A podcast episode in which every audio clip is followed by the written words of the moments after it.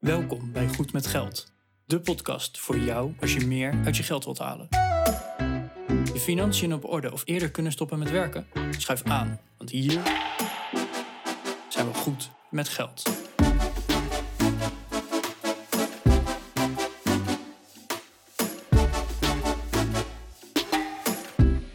Aflevering 151 van de Goed met Geld podcast. Hoi, Bas en Arjan hier. Vandaag hebben we Suzanne van Duin te gast. En Suzanne heeft het boek geschreven De Route naar 100.000 euro per jaar. En ja, daar interviewen wij haar over. Dus we hebben het over hoe stel je nou zo'n doel? En eh, welke mindset hoort daarbij? Welke belemmeringen en welke beperkende overtuigingen heb je? En ja, ga zo maar door. Ben je benieuwd naar het boek? Uh, check dan vooral even de website van Suzanne van Duin, die ook wel bekend is als Vrije Meid. Dus vrijemeid.nl. En wij mogen twee boeken weggeven. Dus wil je kans maken op dat boek, luister dan vooral de aflevering, zodat je er ook achter komt hoe je dit boek kan winnen. En uh, ja, wij mogen er dus twee weggeven, dus uh, doe daar vooral aan mee. En voor nu, veel plezier met luisteren.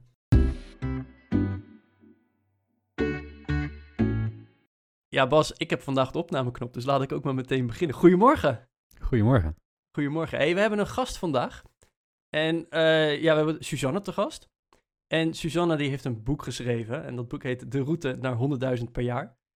Um, ja, wij zijn een geldpodcast, dus hoe tof is dat als je gewoon naar 100.000 euro per jaar kan gaan. Dus ja, sowieso welkom in de studio, Suzanne. Ja, dankjewel. Leuk dat ik hier mag zijn. En 100.000 euro per jaar.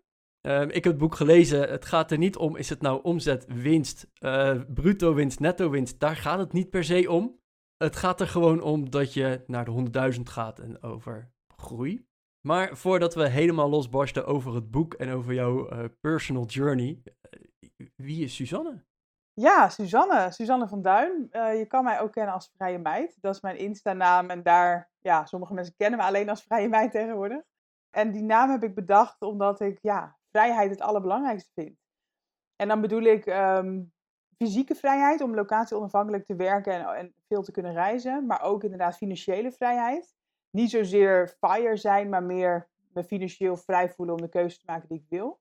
En ook mentale vrijheid. Dat betekent voor mij dat ik doe wat ik leuk vind. En dat ik me ook niet laat tegenhouden door allerlei angsten en oordelen van mezelf of van anderen. Oké.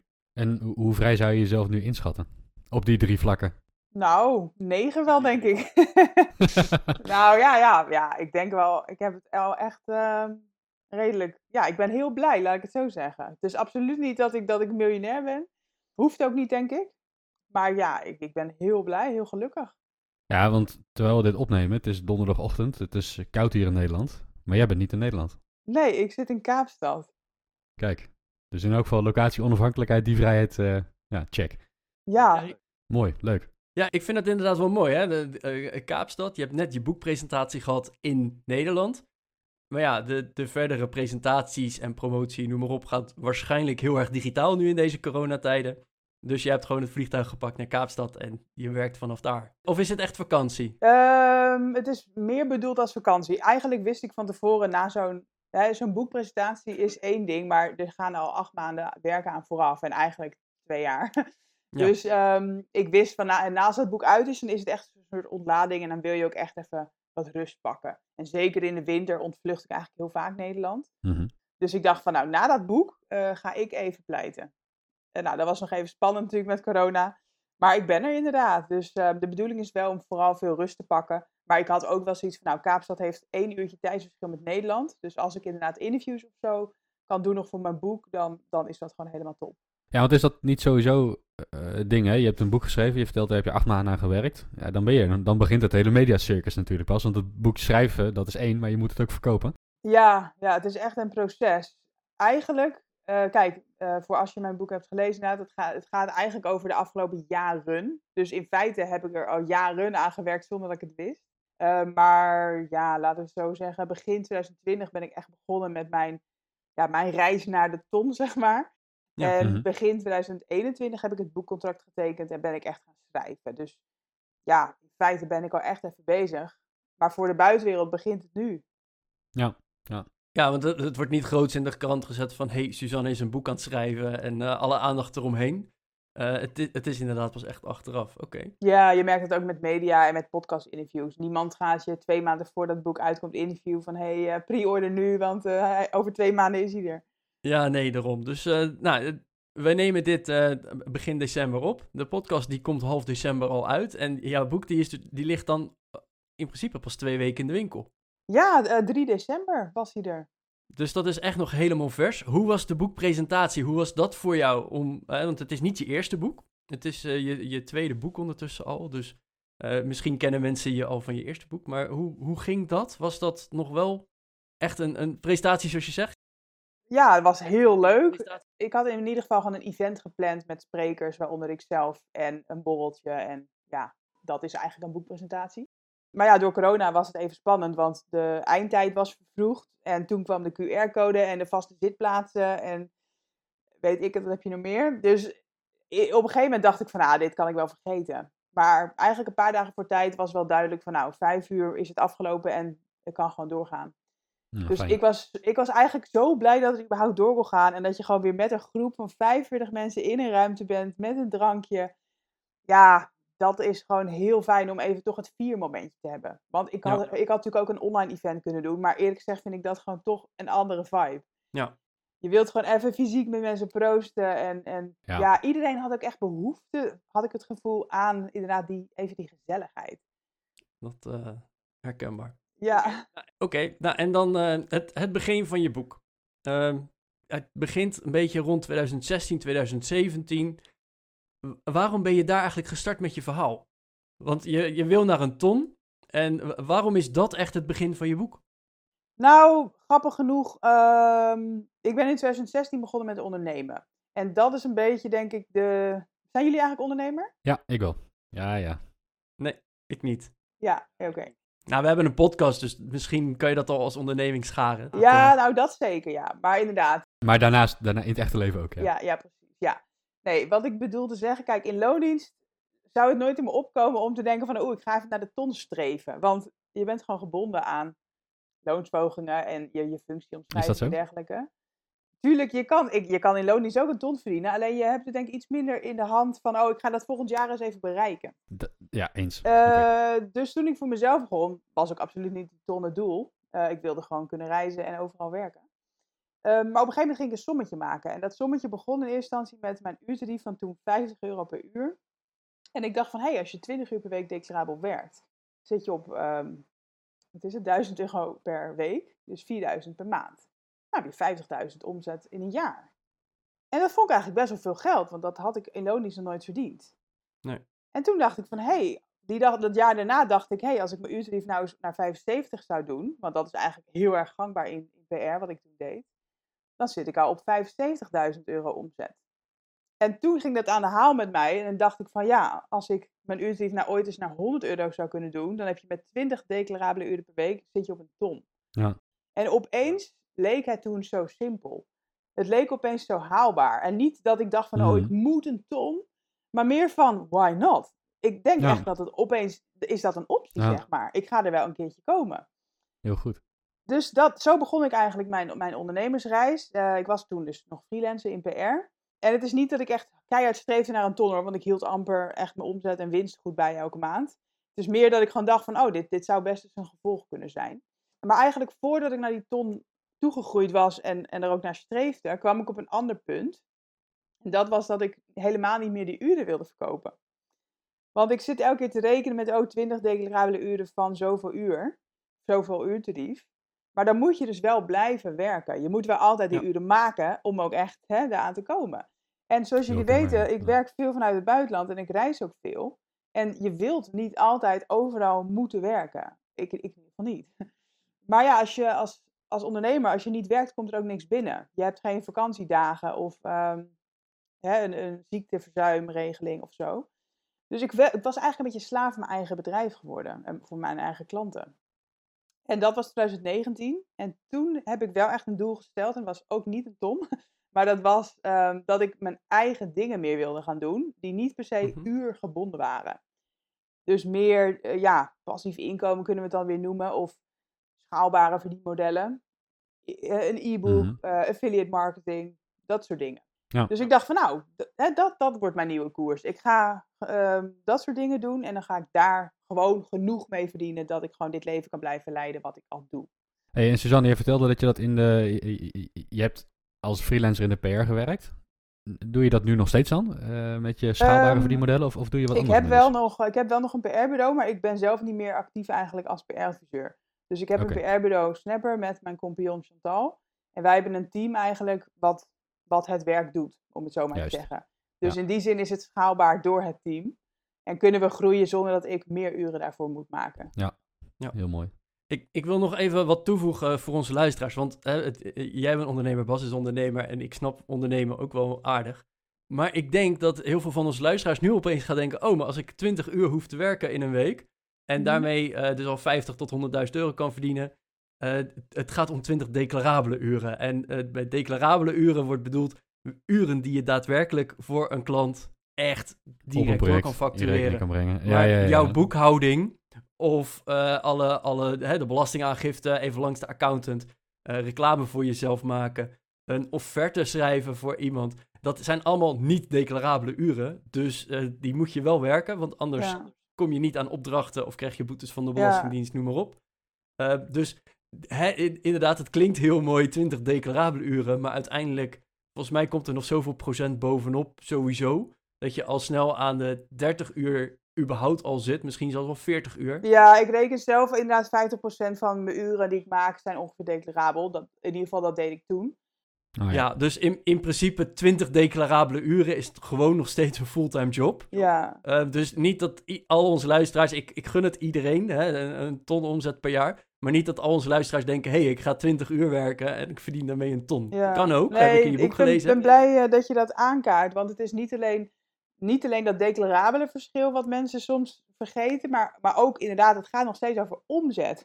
Dus Ja. los van dat je ook nog heel veel uren ervoor maakt, heb je ook nog je kosten en je Mhm. belasting. Dus het is niet inderdaad met een uurtarief van 100 euro van, oh nou, 20 uurtjes werken en eh, je hebt een ton op je rekening. Nee. Nee, en hè, dat- je moet ook uiteindelijk gewoon winst maken. Nou, we hebben het wel eens gehad over Uber bijvoorbeeld, die gewoon zoveel investeert. Die maken miljoenen, misschien wel miljarden omzet en die maken nog steeds verlies. Dus een ton omzet hoeft zeker geen winst te betekenen. Nee. Het kan zo op zijn, ja. Het moet wel in balans allemaal zijn. Ja, Ik, ik, ik, wil, ik wil het wel een klein beetje nuanceren. Ik, ik weet niet precies hoe de projecten bij jou eruit zagen, Suzanne. Ik, ik merkte toen ik begon met freelancen, eh, een paar jaar geleden, dat het wel meeviel met hoeveel tijd ik om, met de romslomp bezig was. Dat is initieel even wat zaken op een rij hebben. Je administratie goed inrichten, je standaard contracten hebben en dat soort zaken. En uiteindelijk viel het wel mee. Als je eenmaal op projecten zit, dan loopt het wel door. Kan je Klopt. 40 uur facturabel zijn. Zonder dat je dan 80 uur aan het werk bent om die 40 uur Ja, facturabel nou, te ik zijn, ben nog nooit 40 uur declarabel geweest. Eh, want dan moet je dus echt letterlijk gewoon 8 uur per dag echt je, je klus doen. Hmm. Eh, ik had nooit ook van dat soort grote klussen, denk ik. Dus, ah, oké. Ja. en ik, bijvoorbeeld, weet je, je hebt bijvoorbeeld ook reistijd en dergelijke. Hè? Ik bedoel, moet je ook uit je eigen Ja. zak vaak betalen. Dus als jij jou ergens heen moet voor een klus. Nou, die had ik in loondienst ook. In loondienst had ik ook eh, Ja. reistijd en dan acht uur werktijd. Dus dat, ja, ja, klopt. Ja, ik, ik teken daar niet meer voor hoor. Nee, ik geef je groot gelijk. Ik, eh, ik doe het liever ook niet, maar... Ja. Maar goed, ik denk meer dat mensen vergeten dat. Dat hoor ik in ieder geval ook van vriendinnen in het begin. Van, oh, weet je wat, een uurtarief.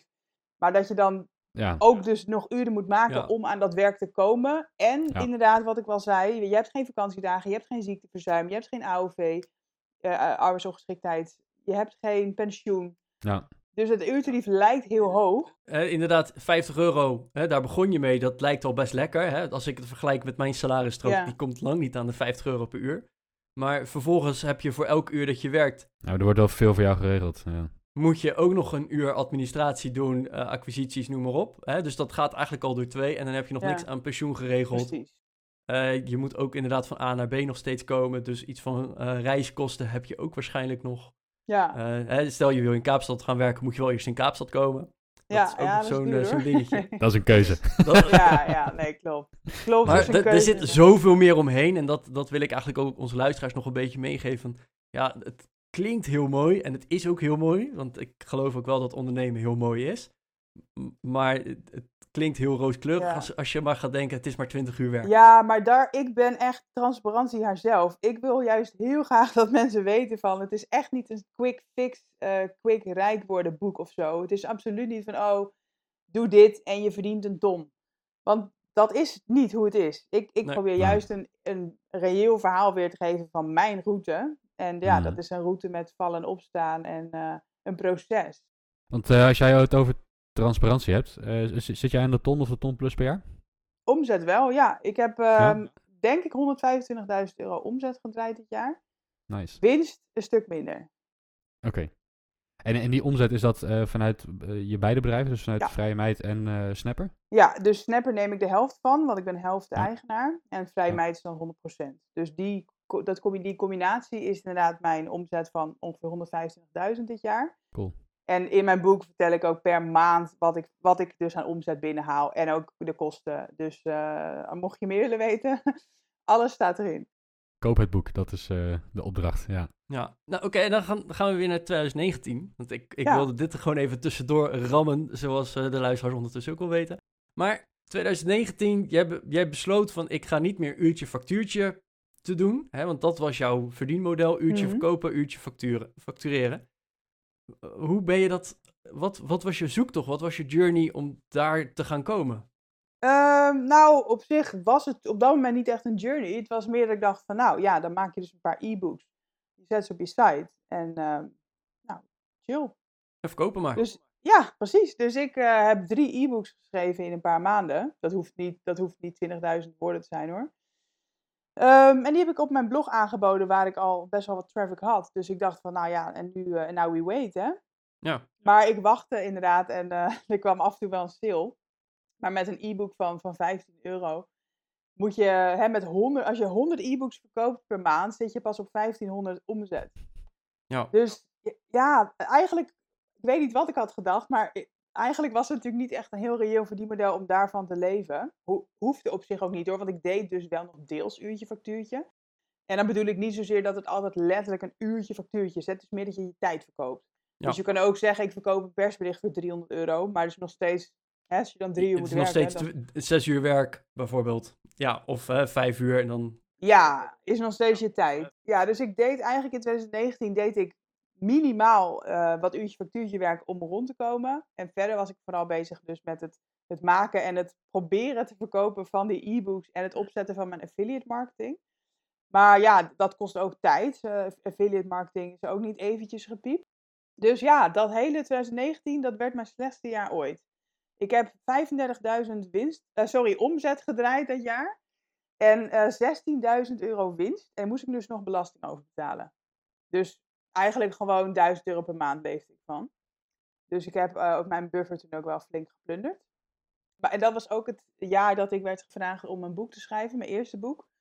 En ik zei gewoon ja, want dat vond ik leuk. Maar goed, dat brengt ook geen geld in het laadje in het begin. Dus heb ik ook heel veel tijd in geïnvesteerd. En eh, ja, dat, dat ja, was echt gewoon even financieel afzien dit jaar.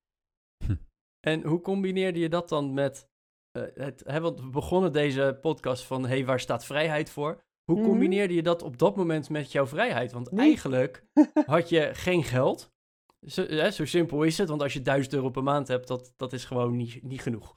Nee. Ehm, maar je wilde wel reizen, je wilde je ding kunnen doen, je wilde niet per se uren moeten verkopen. Hoe, hoe probeerde je dat te combineren of hoe ging dat op dat Nou, moment ja, dan? ik geloof wel heel erg dat je, je kan alles hebben, maar niet allemaal tegelijk. Dus ik wist, ik wist gewoon, oké, ik kan blijven freelancen en dan kan ik blijven reizen.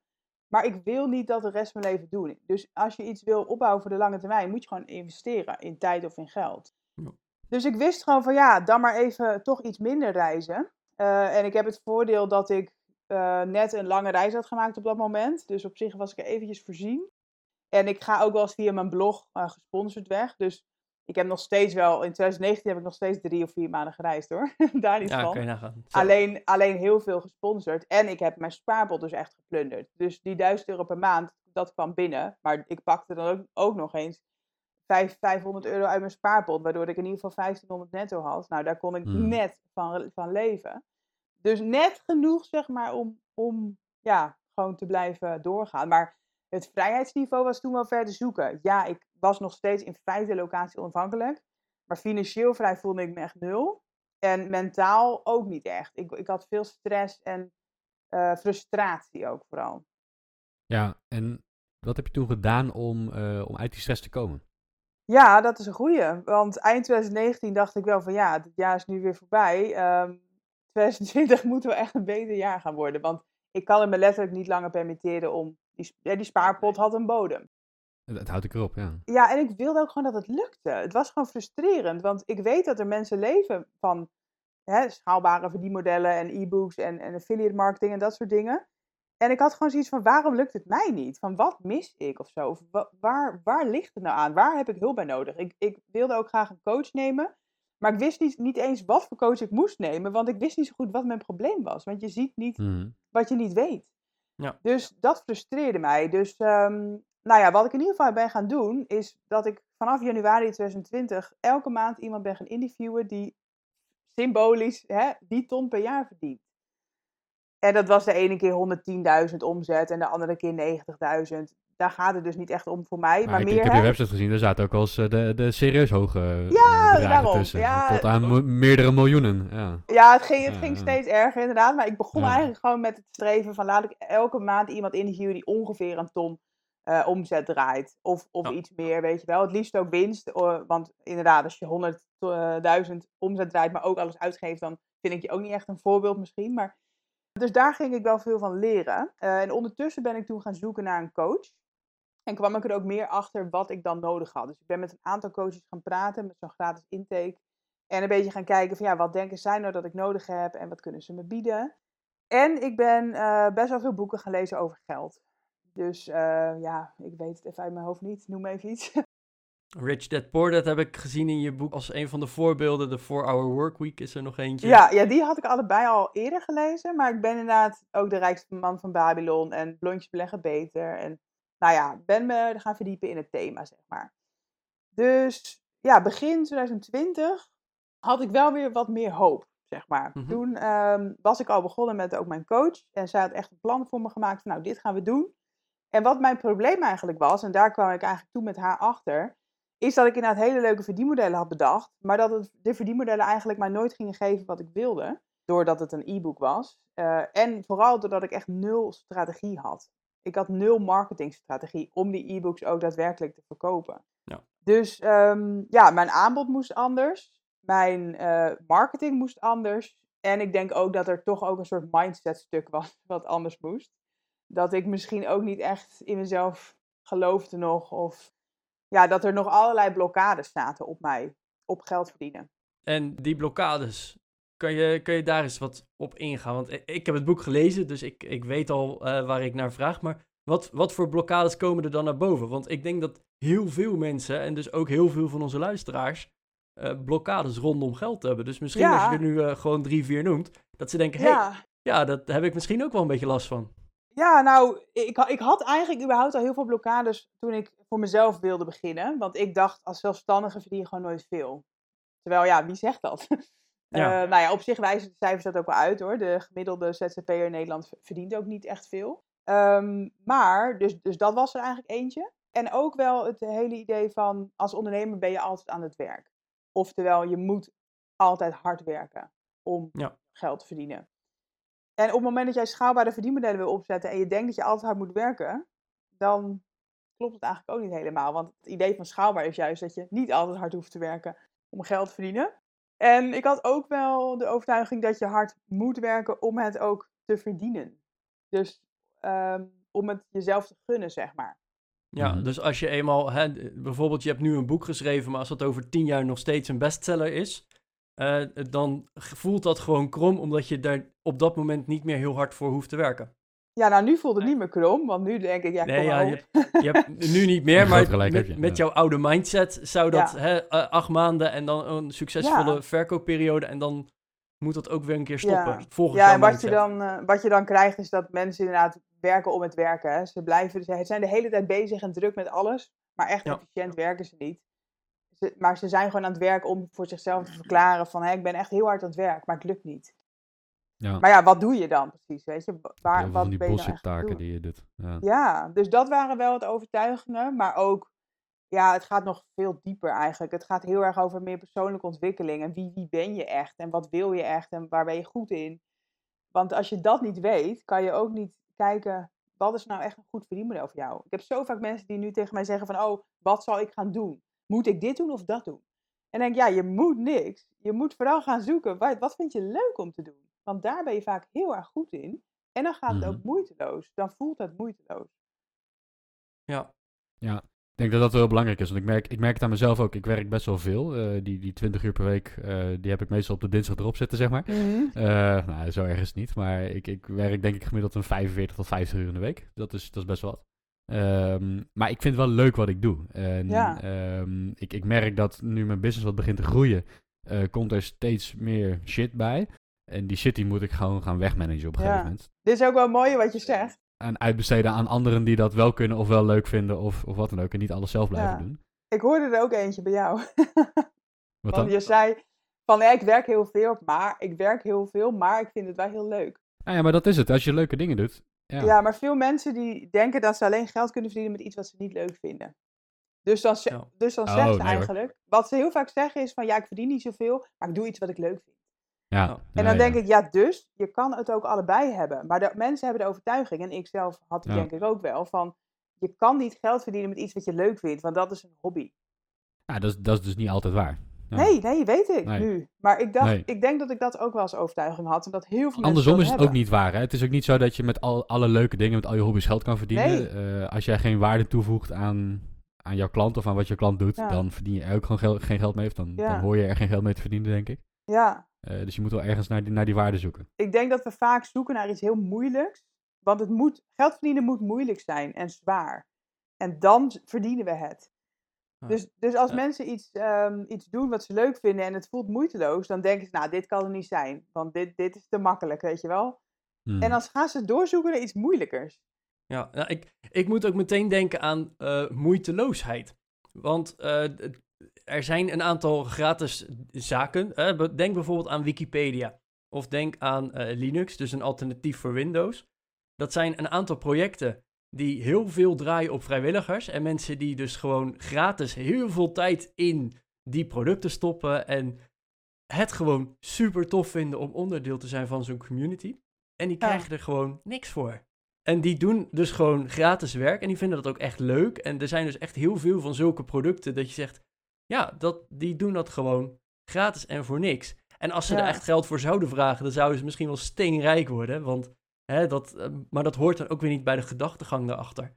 Ja, Dan, dat, maar dan zie je ook van hoe motiverend dat dan is als je iets leuk vindt, hoe, hoe makkelijk je dan ook er opeens werk in stopt. En inderdaad, wat- hier geroepen wordt, hè, een hobby, dat, moet, dat is alleen maar leuk en daar stop je zo uren in. Maar als je inderdaad daar de sparkle kan vinden van, hé, hey, op die manier kan ik daar geld mee verdienen. En natuurlijk, bij werken en ondernemen, daar komt altijd iets bij wat niet leuk is. Stel je vindt treinbouwen heel leuk, eh, maar je gaat daar eh, echt je werk van maken, dan komt er ook een administratie bij en een website en noem maar op. Dus dat zijn dan misschien de minder leuke dingen. Dus 100% leuk zal het nooit zijn. Maar ja, het, het kan dus wel degelijk dat je zegt van... hé, hey, ik stop een hele shitload aan werk erin omdat ik dat leuk vind. En hè, omdat het ondernemen is, komt er ook nog een klein beetje bij wat niet leuk is. Dus ik vind dat eigenlijk wel eh, heel inspirerend dat je zegt van... ja, het, ho- het hoeft niet per se stom te zijn of eh, hè, met, met tegenzin naar je werk. Want ja, dan, eh, je- je, leeft niet om te werken, je werkt om te kunnen leven. ja. ja ik, doe, ik doe nu echt wat ik leuk vind, helemaal. En, en daardoor denk ik ook wel eens van, kan dit, weet je wel, is dit, gebeurt dit echt? Wanneer komt iedereen erachter dat ik ze zit te neppen? Ja, ja. Ja, dus inderdaad, dan krijg je dat weer, ja. Dat je het gevoel hebt van, nou, dit kan niet waar zijn. Dit gaat te makkelijk, Dit is too good to be true, inderdaad. Of je voelt je dus schuldig, dat heb ik ook wel eens. Dat ik me Nou ja. schuldig voel, dat het mij, bij mij nu zo makkelijk gaat, terwijl ik er ook heel hard voor werk. Ja, Ja, omdat het zo leuk is, voelt het niet als werk. En voel ik me bijna lullig voor de mensen die met struggles naar hun werk gaan. Maar dan denk ik, ja, die, die situatie heb ik ook gehad. Daar kan je ook echt uitkomen. dat stukje schuldig voelen. ehm, dat heb ik in het begin vooral gehad. Ik, ik weet niet hoe jij daarmee omgaat. Wa- Wat er bij mij op een gegeven moment gebeurde was... eh, ik, ik was in loondienst bij een, eh, bij een consultiebureau. Eh, daar had ik een prima salaris, een auto, een, alles was gewoon goed geregeld. Wel een, ja, een, een- baan met veel pressure. Dat, dat is wat er bij de consultie hoort. En toen ik voor mezelf begon, ben ik hetzelfde werk blijven doen. En ging ik veel meer verdienen. Waarom? Dat uurtarief was ineens helemaal voor mij. En niet meer voor mijn baas en Mhm. een salaris voor mij. Ehm, En ik heb me toen wel schuldig gevoeld van ja, maar hoe kan het nou zo zijn dat ik nu ineens zoveel meer verdien? Terwijl de leraren, de verplegers, et cetera, zo weinig verdienen.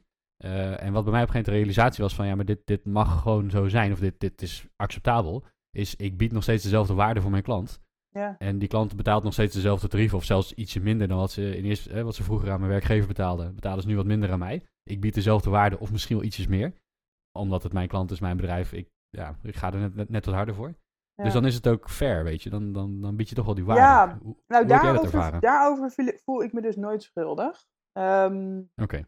en dat komt denk ik omdat ik het dus heel erg zie, inderdaad, ja, dat is echt de economie waarin we leven, de kapitalistische maatschappij. Het is gewoon voor ehm, ruilhandel, hè? Kijk, als, als ik iets Ja. aanbied, als ik consultancy zou aanbieden voor 1000 euro per uur, bij wijze van spreken, en iemand wil me dat betalen, nou ja, dat is toch fair? Ja. Dan is toch hij blij en ik blij? Ja. En op het moment dat ik verpleegster ben en ik bied mezelf aan als verpleegster voor, weet ik veel, 20 euro per uur, en mensen willen niet meer betalen dan dat, hoe schrijnend dat ook is, maar dat is dan gewoon de ruilhandel.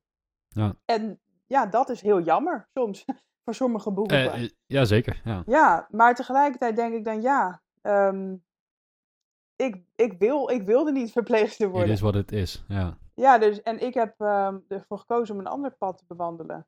En, en iedereen die verpleegster is en heel erg ontevreden is, zou ik zeggen, ja, ga lekker iets anders doen. Ja, het, het blijft inderdaad altijd vraag en aanbod. En eh, wat wil iemand ervoor betalen? Want Ja, eh, anders, anders eh, verkoopt het gewoon niet. En dan moet er ergens iets wat ge- aan gedaan worden. ja, kijk, en op het moment dat alle verpleegsters dan weg gaan lopen, hè, dan komt de overheid wel in actie, zou ik denken. Dan gaat Want er die ook iets mensen zijn wel inderdaad. nodig. Ja, en dan, Ja. dan komt er misschien een trigger dat Ja. die mensen een keer meer betaald krijgen. Dat er meer geld vanuit de overheid wordt geboden, zeg maar, voor, Ja. voor die waarde. Ja. Maar dat is niet aan mij. Jij voelde je dus niet schuldig over eh, het geld verdienen, geef je aan. Want dat is nou eenmaal de, de koehandel die we doen. eh, handje klappen Ja, en we spreken een wel. tarief af en, en dat is fair. Eh, die, die volg ik helemaal hoor. Dat, eh, ik, ik ben het helemaal met je eens. Waar voelde je je dan wel schuldig over? Ehm, ik voel me denk ik vooral schuldig over het feit dat ik bijvoorbeeld eh locatieonafhankelijk werk ehm, en heel erg geniet van mijn leven. Dat ik wel eens denk van, Maar wat maakt het nou uit? ja, ik gun dat, ik gun dat eigenlijk iedereen. Als jij hetzelfde werk doet, alleen je doet het vanuit Bali of vanuit... ja. Nee, ja, het, het maakt ook niet uit waar ik werk, daar ben ik van overtuigd. Maar meer, ehm, er zijn zoveel mensen die, die struggelen of die inderdaad een ja, wat minder goed leven hebben. En ik voel me wel eens lullig eh, dat bij mij alles dus nu zo goed gaat. Dat ik denk van dit, dit zou ik iedereen gunnen. En tegelijkertijd geloof ik heel erg in een groot deel ehm, heft in eigen hand. Ja, doe er dan wat aan. Waar ik me Ja. wel dan, waar ik me wel eens oprecht dan lullig over zou voelen, is me, gewoon het privilege van Nederland zijn. Weet je, op wereldniveau. Ja, als ik nu kijk in Kaapstad, hè, de, de, de bedelaars vliegen je ook weer om de oren. Dan kan ik mij echt wel lullig voelen Ja. en denken van jeetje, wat heb ik het toch goed. En wat zeik ik af en toe om niks. Ja. Mhm. En, maar dat is ook een Ja. van de struggles in mijn boek die ik beschrijf. Dat ik, ehm, dat ik ook heel vaak mijn negativiteit wegstop. En dat ik me niet toesta om me kut te voelen. Omdat ik ook eigenlijk niks te klagen heb. Maar ja, toch voelen we ons ook wel eens kut. Ja. Mhm. Ja. Hey, nou, we, we gaan niet heel je boek uitpluizen, want dat, Nee. eh, dan moet je gewoon maar het boek gaan kopen. Blijf vooral luisteren, want we hebben ook een winactie, dus die komt aan het einde nog even terug. Maar waar ik nog heel erg benieuwd naar ben, we hebben het over struggles. En nou, zoals we hier aan het praten zijn, jij bent best wel down to earth. Lekker nuchter, gewoon zo zitten, het klaar. En ik heb het boek gelezen en daar kwamen echt een partij zweefteefdingen naar boven. dat ik denk, nou, hoe, hoe heb je die struggles aan de kant gezet om, eh, nou, om, om een paar dingen te noemen? Je hebt in een ijsbad gelegen, je hebt je laten hypnotiseren via Zoom, wat ik überhaupt al best wel knap vind dat het via Zoom kan, maar goed, tegenwoordig kan alles via Zoom. Ehm, en, en zo heb je nog een aantal dingen gedaan dat ik denk van, hoe heb je dat opzij gezet? Want hè, de- eh, een van de voorbeelden waar ik echt dacht van, hè, hoe, hoe doe je dat dan? Dat was Tony Robbins. En ik weet niet, wie niet weet wie Tony Robbins is, dat is... En, ja, hij, hij, noemt zichzelf geen goeroe, maar eh, iedereen noemt hem een goeroe. Er staat op Netflix een goede documentaire, I'm Not Your Guru. Ehm, en dan zie je echt 2000, 3000 man springen in, hè, echt helemaal opgezweept worden in zo'n zaal. En dat kon hij niet, want hè, eh, alles zit dicht. Dus jij hebt met twee of drie vrienden in een huisje ergens volgens mij op zo'n vakantiepark, zo zie ik het dan voor me, Ja. ben jij online Tony Robbins gaan doen?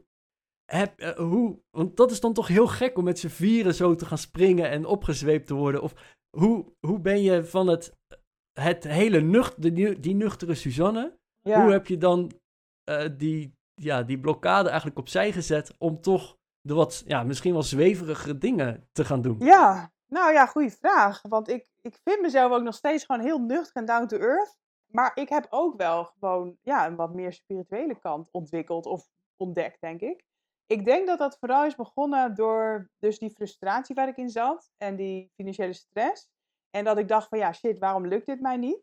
En dat ik ging kijken van ja, hoe doen anderen het? Hè? If you Ja. want to be successful, do what successful people do. Ja. En alle successful people ongeveer gaan naar Tony Robbins. dus op een gegeven moment dacht ik, ja, ehm, ik kan wel elke keer blijven denken van, oh, wat, wat een lijpo's. En ze staan daar te dansen en, en zweverig te doen. Maar ik ben de, de loser met 15.000 euro winst. En zij eh, hebben succes. Dus Ja. wie ben ik om daar eigenlijk over te oordelen? Dus toen ben ik wel gaan openstaan meer voor anderen. Maar ik ben echt super eigenwijs. Ik, maar ik luister eigenlijk nooit naar anderen. Maar ja, wie had ik daar nou eigenlijk mee? Ja. Dus dat was voor mij denk ik de omslag om, om wel eens te gaan luisteren naar anderen. En dus ook om een coach te nemen en om allerlei van dit soort avonturen aan te gaan. En ik had meer zoiets, ja, baat het niet, anders gaat het niet, toch? Ik bedoel, net als met de Ja, hypnose. het kost een keer ja. een paar euro's en een beetje tijd. Ja, die. Nee. hypnose kostte me 100 euro. Ik denk, ja, boeien. Ehm, ik Ja. probeer het gewoon. En eh, Ja. ja. in het beste geval heb ik er wat aan. En anders, ja, en anders doe ik het niet meer. Ja. En ja, ik had bij die hypnose wel, ehm, ja, toch wel het idee dat het me wat bracht, laat ik het zo zeggen. Dat, Mhm, soms mhm. valt ook het kwartje wat later. Maar op dat moment dacht ik van, nou ja, het kon geen kwaad. Mhm. En op dat moment, we zitten inmiddels eind 2020, had ik ook al iets meer geld. Waardoor ik ook dacht van nou, dan durf ik het ook wel nu uit te geven aan mezelf. En ik geloof ook nu wel dat ik als ik investeer in mezelf, dat ik er hè, beter van word. En mijn business dus ook. Dus ehm, ik ben inderdaad ook in een ijsbad gaan zitten. Nou, dat leek me eigenlijk gewoon ook vet. dat je Ja. gewoon dat kan. Dat je gewoon dat doet. Ehm, en het is ook heel goed voor je lichamelijk. Hè? Dat is met Wim Hof en zo allemaal nu wel bekend volgens mij.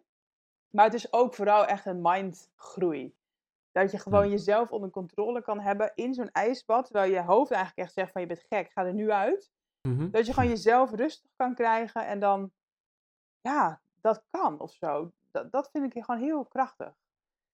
Dus de hele, alle spirituele dingen vind ik eigenlijk dus niet meer zo spiritueel. Het is eigenlijk gewoon heel erg wetenschappelijk en heel veel dingen zijn toch meer te verklaren dan ik dacht.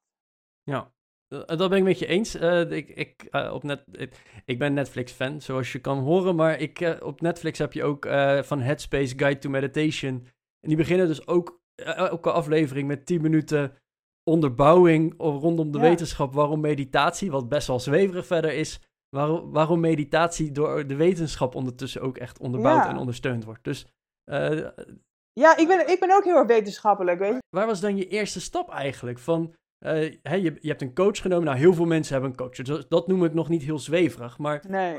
wat, wat was dan echt zo'n eerste stap dat je inderdaad zegt van... Nou, eh, ja, misschien moet ik wel inderdaad in zo'n Ja. ijsbad stappen. Of misschien moet ik wel... Waar, Ja. waar begon dat dan Eh, echt? nou, mijn, aller, mijn allereerste zweverige ervaring, om het zo maar te noemen, was dan de hypnose, denk ik.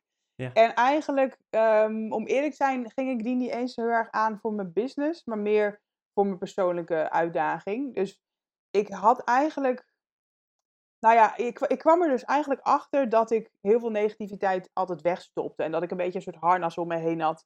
En inderdaad altijd sterk bleef en nuchter en, en eh, niet heel emotioneel. Ehm, maar ik had het gevoel dat ik daardoor ook wel eigenlijk dingen van mezelf aan het wegdrukken was. En ik denk als je gewoon je volle potentie wil leven, dat je niet dingen moet wegdrukken. Dat je gewoon helemaal jezelf moet ontdekken en jezelf moet zijn. Alleen ik kwam niet zo goed bij mezelf. En dat klinkt misschien ook heel zweverig voor jullie hoor, maar ehm, toen had ik zoiets van ja, volgens mij kan je met hypnose, heel wetenschappelijk, kan je volgens mij ehm, ja, in een soort trance komen, net als meditatie, waardoor je toch dieper naar je gevoel kan gaan. En toch dieper naar je herinneringen kan gaan, die je normaal gesproken in het dagelijks leven weg zitten stoppen. Ja. Dus dat was een beetje de trigger dat ik dacht van, hé, hey, zo, misschien is zo'n hypnosesessie wel handig om dan toch even te kijken waar bepaalde dingen vandaan komen en me, me meer te herinneren van bepaalde dingen. Ja. En dan te verklaren waarom ik ben geworden zoals ik ben, om het zo maar te zeggen. Eh, en toen dat dus ja, redelijk wel leek te zijn gebeurd, ja, die hypnosesessie heb ik ook wel zo ervaren. Dat ik echt wel dingen weer herinnerde van, oh ja, weet je wel, wauw, dat zit dus toch nog ergens in me. Ja, toen ging ik daar meer voor openstaan. En ondertussen interviewde ik dus elke maand die, die ondernemers. En bijna iedereen was ook super succesvol en nuchter. En ook dus die zweverige kant. Ja. En dan denk ik, ja, uh, als Oprah nog wat kan leren van Tony Robbins, waarom ik niet? een, een goede mindset, denk ik. Ja. ja. Ja, ik probeer gewoon meer open te staan voor anderen. En ik denk dat je soms ook juist meer kan leren van iemand die heel anders is dan jij. Ik ben dus ook gestart met een breathwork traject. Voor 3000 Zegt ze lachend. ja. Ja, als ik dit dus twee jaar geleden aan mezelf had verteld, had ik ook echt gedacht van je bent echt gek. Dat je daar je geld aan uitgeeft. Ja. Maar ja, het heeft me heel veel gebracht.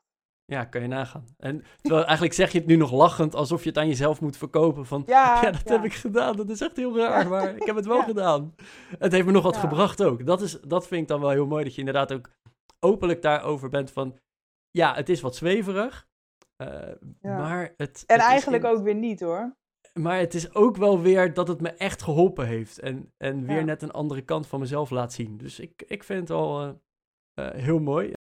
Zoals ik al heb gezegd, nou, ik heb het boek gelezen en ik omschreef het ook een beetje als een dagboek. En het is niet, goedemorgen, heel lief dagboek, vandaag ging het niet goed of vandaag ging het wel goed. Nee, het is echt een dagboek van jouw reis eigenlijk van ik begin met ondernemen naar uh, hey, hoe, hoe gaat het? Het stukje evalueren, je eerste stap naar een coach, uh, uh, tegenslagen, um, de, de tondernemers. Ik vind het knap dat jij dat inderdaad in één keer nu eruit gooit, want ik heb mijn tong er echt al een aantal keer over gebroken de tondernemers die inderdaad hun ervaringen delen. En dat, dat je er ook achter komt van, ja, die ton omzetwinst, of hoe je het noemen wil. Um, daar zijn zoveel wegen die naar Rome leiden. En van elke uh, ondernemer heb je ook wel iets weer meegenomen van, oh, daar kan ik wat mee. Of dat, en dat vond ik eigenlijk wel heel mooi in het boek inderdaad, dat het zo'n reis is dat je steeds een stapje verder gaat en dat je gewoon jou eigenlijk ziet ontwikkelen naar ook een mindset. Want dat is denk ik misschien wel de grootste reis geweest. Dat je je mindset ook om hebt gezet naar ik ga gewoon die ton verdienen. Um, dus ik ben ook heel benieuwd naar het volgende boek, hè, De Reis naar een miljoen per jaar. Ja, ik uh, dat, tenminste, dat, zo, zo kan je hem echt nog wel doorverlengen. En dat vind ik eigenlijk wel, uh, wel heel gaaf. Um, wij gaan eerst nog de vijf vragen doen. En daarna gaan we jouw luisteraar nog even uitdagen. Want wij mogen twee van deze boeken weggeven. De route naar 100.000 euro per jaar. Um, dus ja, Suzanne, wij beginnen gewoon met onze vijf vragen. En ja, ik begin altijd. Dus uh, wat is jouw grootste financiële blunder? Um, ja, ik vind het altijd. Ik heb nooit zo heel veel spijt van dingen. Want je, ik kan wel nu heel veel dingen gaan noemen. Maar met de kennis van nu is het altijd zo makkelijk. Ik heb bijvoorbeeld wel. Ik vind echt een blunder dat ik eigenlijk pas heel laat ben begonnen met beleggen. Dat vind ik echt oh. zonde. Mm. Maar je bent ondertussen begonnen, las ik uh, ook in het boek en uh, op je website. Dus inderdaad, je bent wel begonnen. Dus uh, ja, misschien wat laat, maar oké. Okay. Nou. Het beste moment was 20 jaar geleden, het op één na beste moment is nu, hè? Precies, ja, dat vind ik wel een hele mooie inderdaad. Het is nooit te laat om te beginnen. Nee. Is misschien wel een bruggetje, maar je mag dit antwoord beleggen niet geven op deze vraag. Wat kan je nu dat je vijf jaar geleden had willen kunnen? Oeh, ik denk um, meer mijn omzet in de hand hebben. Ik denk vijf jaar geleden was, was ik net begonnen met ondernemen, was mijn eerste jaar. Toen was ik heel erg, liet ik alles aan toeval over eigenlijk. Uh, tuurlijk, ik werkte er ook voor hoor, ik was ook zichtbaar. Maar ja, mm. soms kwam er een klus naar me toe en soms niet. En dan zat ik gewoon, ja, toch een beetje te wachten eigenlijk. um, en nu kan ik veel meer sturen. En dat is zo fijn. Dat je gewoon kan ja. denken, oké, okay, ik wil volgend jaar, of ik wil, ja, ik wil volgend jaar, oké, okay, weer een ton. Oké, okay, wat moet ik dan doen? Nou, dit en dit en dit. Oké, zoveel producten verkopen. Oké, zoveel leads verzamelen. Oké, hup, vijf nieuwsbrieven eruit. Ik, ik weet zeg maar veel meer waar ik kan sturen. En uh, daardoor kan mm. ik dus mijn omzet veel meer plannen eigenlijk bijna. Ja, je, vijf jaar geleden had je al een gereedschapskist, maar nu weet je eigenlijk wat er ook allemaal in zit en welke tools je allemaal kan gebruiken om ja, daar te komen. En dat, dat is het leuke ook van tijd en ervaring natuurlijk. Ik heb inmiddels bijna zes jaar ondernemerservaring, dus ik weet ook zo goed van dingen. Dit werkt niet, dit werkt wel. Mijn doelgroep wil dit en ze willen dit niet. En, en dit is mijn kracht. Mhm. Dus ja, je hebt veel meer kennis en data ook. Ik bedoel, ik kan ook op Instagram gewoon kijken van wat was mijn beste post dit jaar. Nou, dan gaan we die nog een keertje herhalen. Ja. Ja. Want je hebt een hele scala aan, aan, aan informatie. Ja, oké. hey, en eh, ja, ik, ik riep al gekscherend op weg naar een miljoen per jaar. Maar waar sta je over vijf jaar? Eh, wat, wat, hoe zie je de, de toekomst voor je? Ja, nou, ik denk eigenlijk wel dat ik dan een miljoen omzet draai. En dat dat niet het doel is, maar het gevolg van wat ik gewoon nu lekker doe. Ja, Ja. Ik denk, eh, als ik nu in twee jaar tijd mijn inkomen kan verdrievoudigen, nou, dan kan ik dat over twee jaar weer doen, toch? Dus dan Ja. zitten, we, zitten we inderdaad op een tonnetje of, eh, wat is het? Twee, vier, acht, denk ik, ja. Dus over vijf jaar denk ik wel dat ik een miljoen heb gedraaid. Ja. ja, waarom niet? Ja, ja, maar dat is het. Waarom niet? ik vind het mooi. We moeten hem eigenlijk alvast in de agenda zetten. Ja, ga, je, ga je over vijf jaar bellen? Heb je al een miljoen? ja nee, ja, ik, ik zie echt Lees- mogelijkheden. Ja, le- lees het boek van Grant Cardone, de 10x Rule. Oh, Eh, ja. verschrikkelijk, verschrikkelijk vervelende vent vind ik hem. Ehm, maar, maar, maar zijn boodschap is wel heel goed. Ja, Eh, hij, hij begon zijn verhaal te vertellen met... Ja, ik wilde graag eh 10 appartementen in de vuur hebben, want dan was ik financieel vrij. Mijn eerste Ja. deal kocht ik er 24. ja oké. Dan heb je dus te laag gemikt. Ja. Ehm, en en hij, hij vertelt inderdaad van je moet, je moet onrealistisch hoge doelen stellen. Want dan ga je actie ondernemen om daar te komen. En dan, dan bereik je dus, eh, dus veel meer. dat geloof ik heel erg. Dus inderdaad, een, een miljoen per jaar. Heel goed. Ja, waarom niet inderdaad? Het, het is niet. Mensen denken dan de verkeerde dingen hoor. Van alsof ik dat nodig heb om gelukkig te zijn. Of dat ik, dat ik daarop kik of zo. Maar het is meer, het is een gevolg. En ik zie het ook Mhm. meer zo. Kijk, als ik nu 125.000 draai. En bijvoorbeeld 125 mensen heb geholpen. En ik zou een miljoen draaien. En dan duizend mensen daarmee kunnen helpen. Dat is toch fijn? Ja. Dan kan ik nog meer geluk en vrijheid spreiden. Ja, en dat getalletje, die omzet of die winst of of, eh, wat je dan ook meet wat erbij hoort, dat is inderdaad vaak een gevolg van eh, het doen van de juiste dingen. Precies, het Ja. is eigenlijk een gevolg inderdaad. En als je doet wat je leuk vindt, dan voelt het ook als moeiteloos. Dan is die ton Ja. of die miljoen inderdaad echt een meer een gevolg en een, een soort bonus. Dan dat ik het daarom doe. Geld is ook maar een middel, hè. Maar is- Mhm. je hebt het wel nodig. Als ik, als ik een of ander droomhuis aan het water wil, wat ik dus wil. eh, en, het, en het kost eh, 2 miljoen. Ja, dan, dan heb je die miljoen ook echt wel nodig, zeg maar. Maar dan motiveert dat je ook echt om dat eh, hè, dan motiveert het huisje om die miljoen te draaien en niet die miljoen aan zich. Hey, welke bron van informatie zouden de luisteraars moeten kennen? Ja, dan kan ik natuurlijk mijn boek zeggen, maar nee, nee, dat is flauw. dat Die is mag je zo nog promoten. Nee, ik, eh, ik luister zelf inderdaad ook heel veel podcasts. Ik lees heel veel boeken. Maar ja, één noemen is lastig. Want ik heb er weer heel veel. Ik vond de 4-hour workweek sowieso gewoon briljant natuurlijk. Maar dat is Ja. ook omdat het gaat over het remote leven. En het leef je droomleven nu. Dat vind ik eigenlijk misschien wel Ja. de allerbelangrijkste boodschap. Geld is daar een middel voor. En je bedrijf is er een middel voor. Uiteindelijk gaat het over gelukkig zijn. En, en voor jezelf creëren wat je wilt. En daar wil ik eigenlijk mensen het meest mee inspireren. Oké. En eh, ja, de laatste vraag. En daar gaan we eigenlijk altijd in op jouw expertise. En eh, wij bereiden onze gast altijd voor. Dus ik, ik heb de vraag al gestuurd. Wat is jouw advies als het gaat om zelfstandig ondernemer te worden? Maar ik wil hem eigenlijk nog... Ik ga er gewoon een extra vraag aan toevoegen. Wat is jouw advies als jij al ondernemer bent en tondernemer wil worden? Ja, nou eigenlijk denk ik dat drie dingen heel erg belangrijk zijn. Eén is een goed verdienmodel.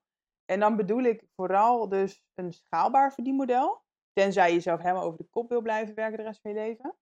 Eh, dus een schaalbaar verdienmodel waarmee je dus die ton makkelijk zou kunnen gaan bereiken. Ja. En een e-book is schaalbaar, maar denk ik niet geschikt omdat je dan dus heel veel e-books moet verkopen.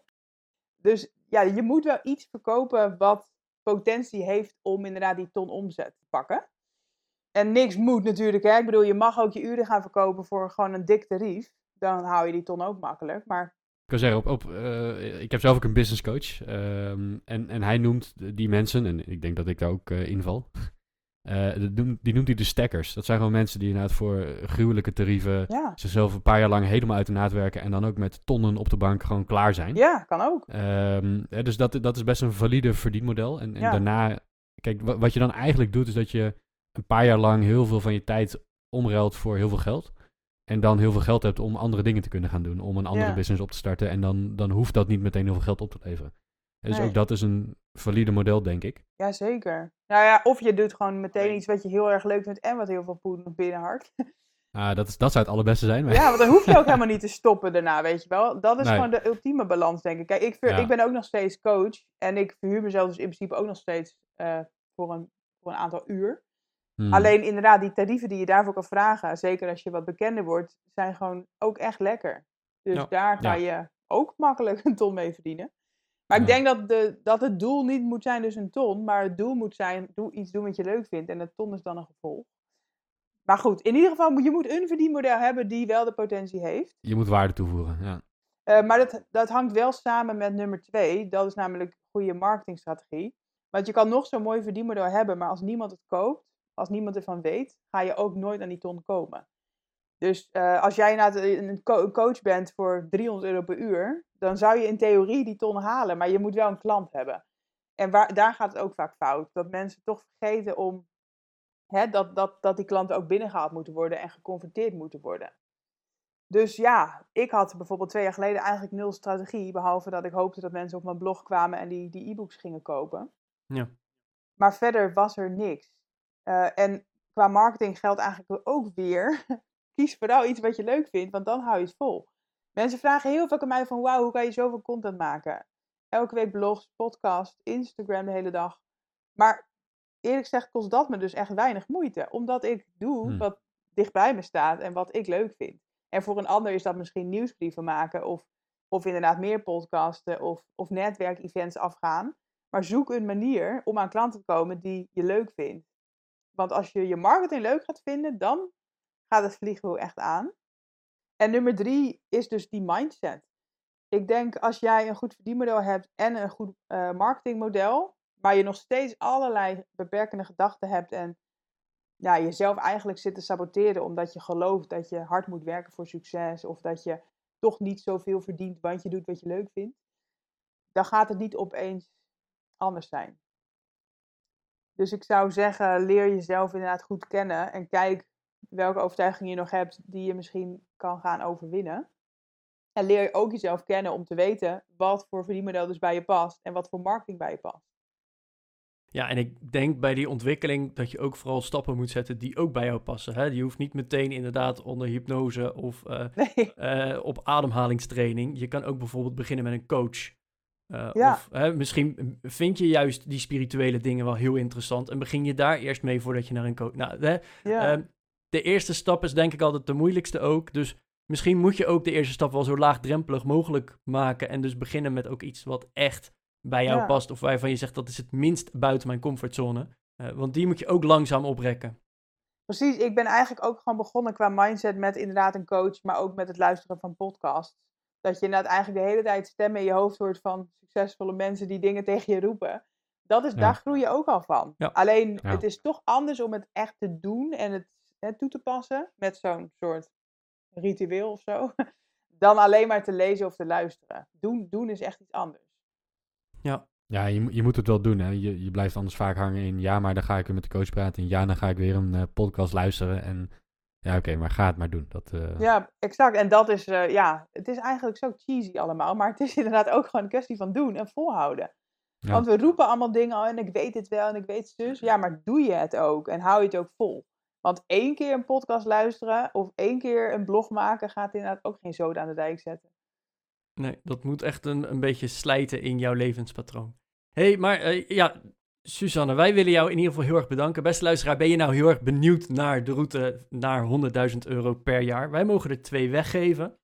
Eh, dat doen we eigenlijk gewoon heel simpel. Deze aflevering komt 17 december online.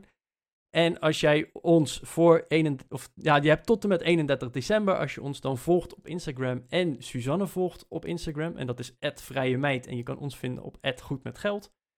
Dan eh, stuur je ons een berichtje, dus de goed met geld, stuur je een berichtje van hey, ik wil graag kans maken op het boek. En dan eh, maak je automatisch kans op een van de twee boeken die wij weg mogen geven. Je hebt dus tot en met 31 december. Ehm, ook gewoon omdat hè, als jij over twee jaar pas luistert, dan is het boek ook gewoon nog steeds te koop. Maar ja, we moeten er een beetje een eindtijd aan hangen. Zo simpel is het. Dus eh, wil je kans maken, volg Suzanne op het Vrije Meid en volg ons op het Goed met Geld. En, en stuur gewoon een berichtje. Suzanne, mochten ze dat boek nou niet winnen, hoe kunnen ze het boek bestellen? Hoe kunnen ze jou bereiken? Waar ben je nog meer te vinden? Eh, ja, Instagram is wel een beetje de way to go. Maar als je echt een inhoudelijke vraag hebt, heb ik liever altijd dat je even naar mijn site gaat en een mailtje stuurt. Uh, vrijemeid.nl, dan, dan vind je van alles. En mijn boek is ook te koop bij de grotere boekhandels. Bruna, Bol.com, ACO. Uh, wat heb je nog meer? Dat soort dingen. Daar en anders denk ik ook gewoon een linkje op je website, verwacht ik. Ja, ik wou zeggen... Doe je nog een uh, poging om in de management top, uh, managementboek top 100 te komen? Uh, dat, dat, dat hoop ik wel eigenlijk, ja. Ja, ja. Okay. Bestel hem ja, via ik denk als je, als je hem, als je op vrijemeid.nl bent, dan vind je, vind je hem wel. Kan denk ik niet missen. Nou, Suzanne, wij willen je in ieder geval heel erg bedanken voor je tijd en, en inspiratie in deze podcast. Heel veel plezier nog in Kaapstad. Want ik weet niet hoe lang je er nog bent, maar je bent op vakantie. Dus hè, daar moet je ook vooral van genieten. En ja, ik ben inderdaad heel benieuwd hoe de komende jaren eruit gaat zien. En of je inderdaad naar die miljoen gaat straks. Ik ben ook benieuwd. Dank jullie wel. Nou goed, we houden het in de gaten. Dankjewel. En beste luisteraar, ja, vond je deze aflevering leuk? Uh, deel hem dan inderdaad ook vooral met je vrienden. Volg ons op Instagram um, of via Spotify. Laat een reactie of een, een uh, rating achter bij Apple Podcast. Want als je ons volgt en als je een reactie of iets achterlaat, dan vinden die mechanismes dat ook heel leuk. En dan worden ze ook weer aanbevolen bij anderen. Dus eh, help ons een beetje om groter te worden door gewoon een positieve rating of een, een follow eh, te klikken. En uh, heb je dat al gedaan, dan zijn we er gewoon volgende week weer. Dus uh, tot volgende week. Tot volgende week.